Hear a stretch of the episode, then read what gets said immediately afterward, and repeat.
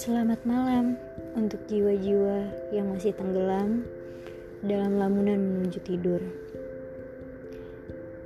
Ini bukan sebuah keluhan, namun juga bukan sebuah sambatan. Ini hanya sebuah cerita yang perlu dituangkan, namun tak pernah benar-benar merasa didengarkan.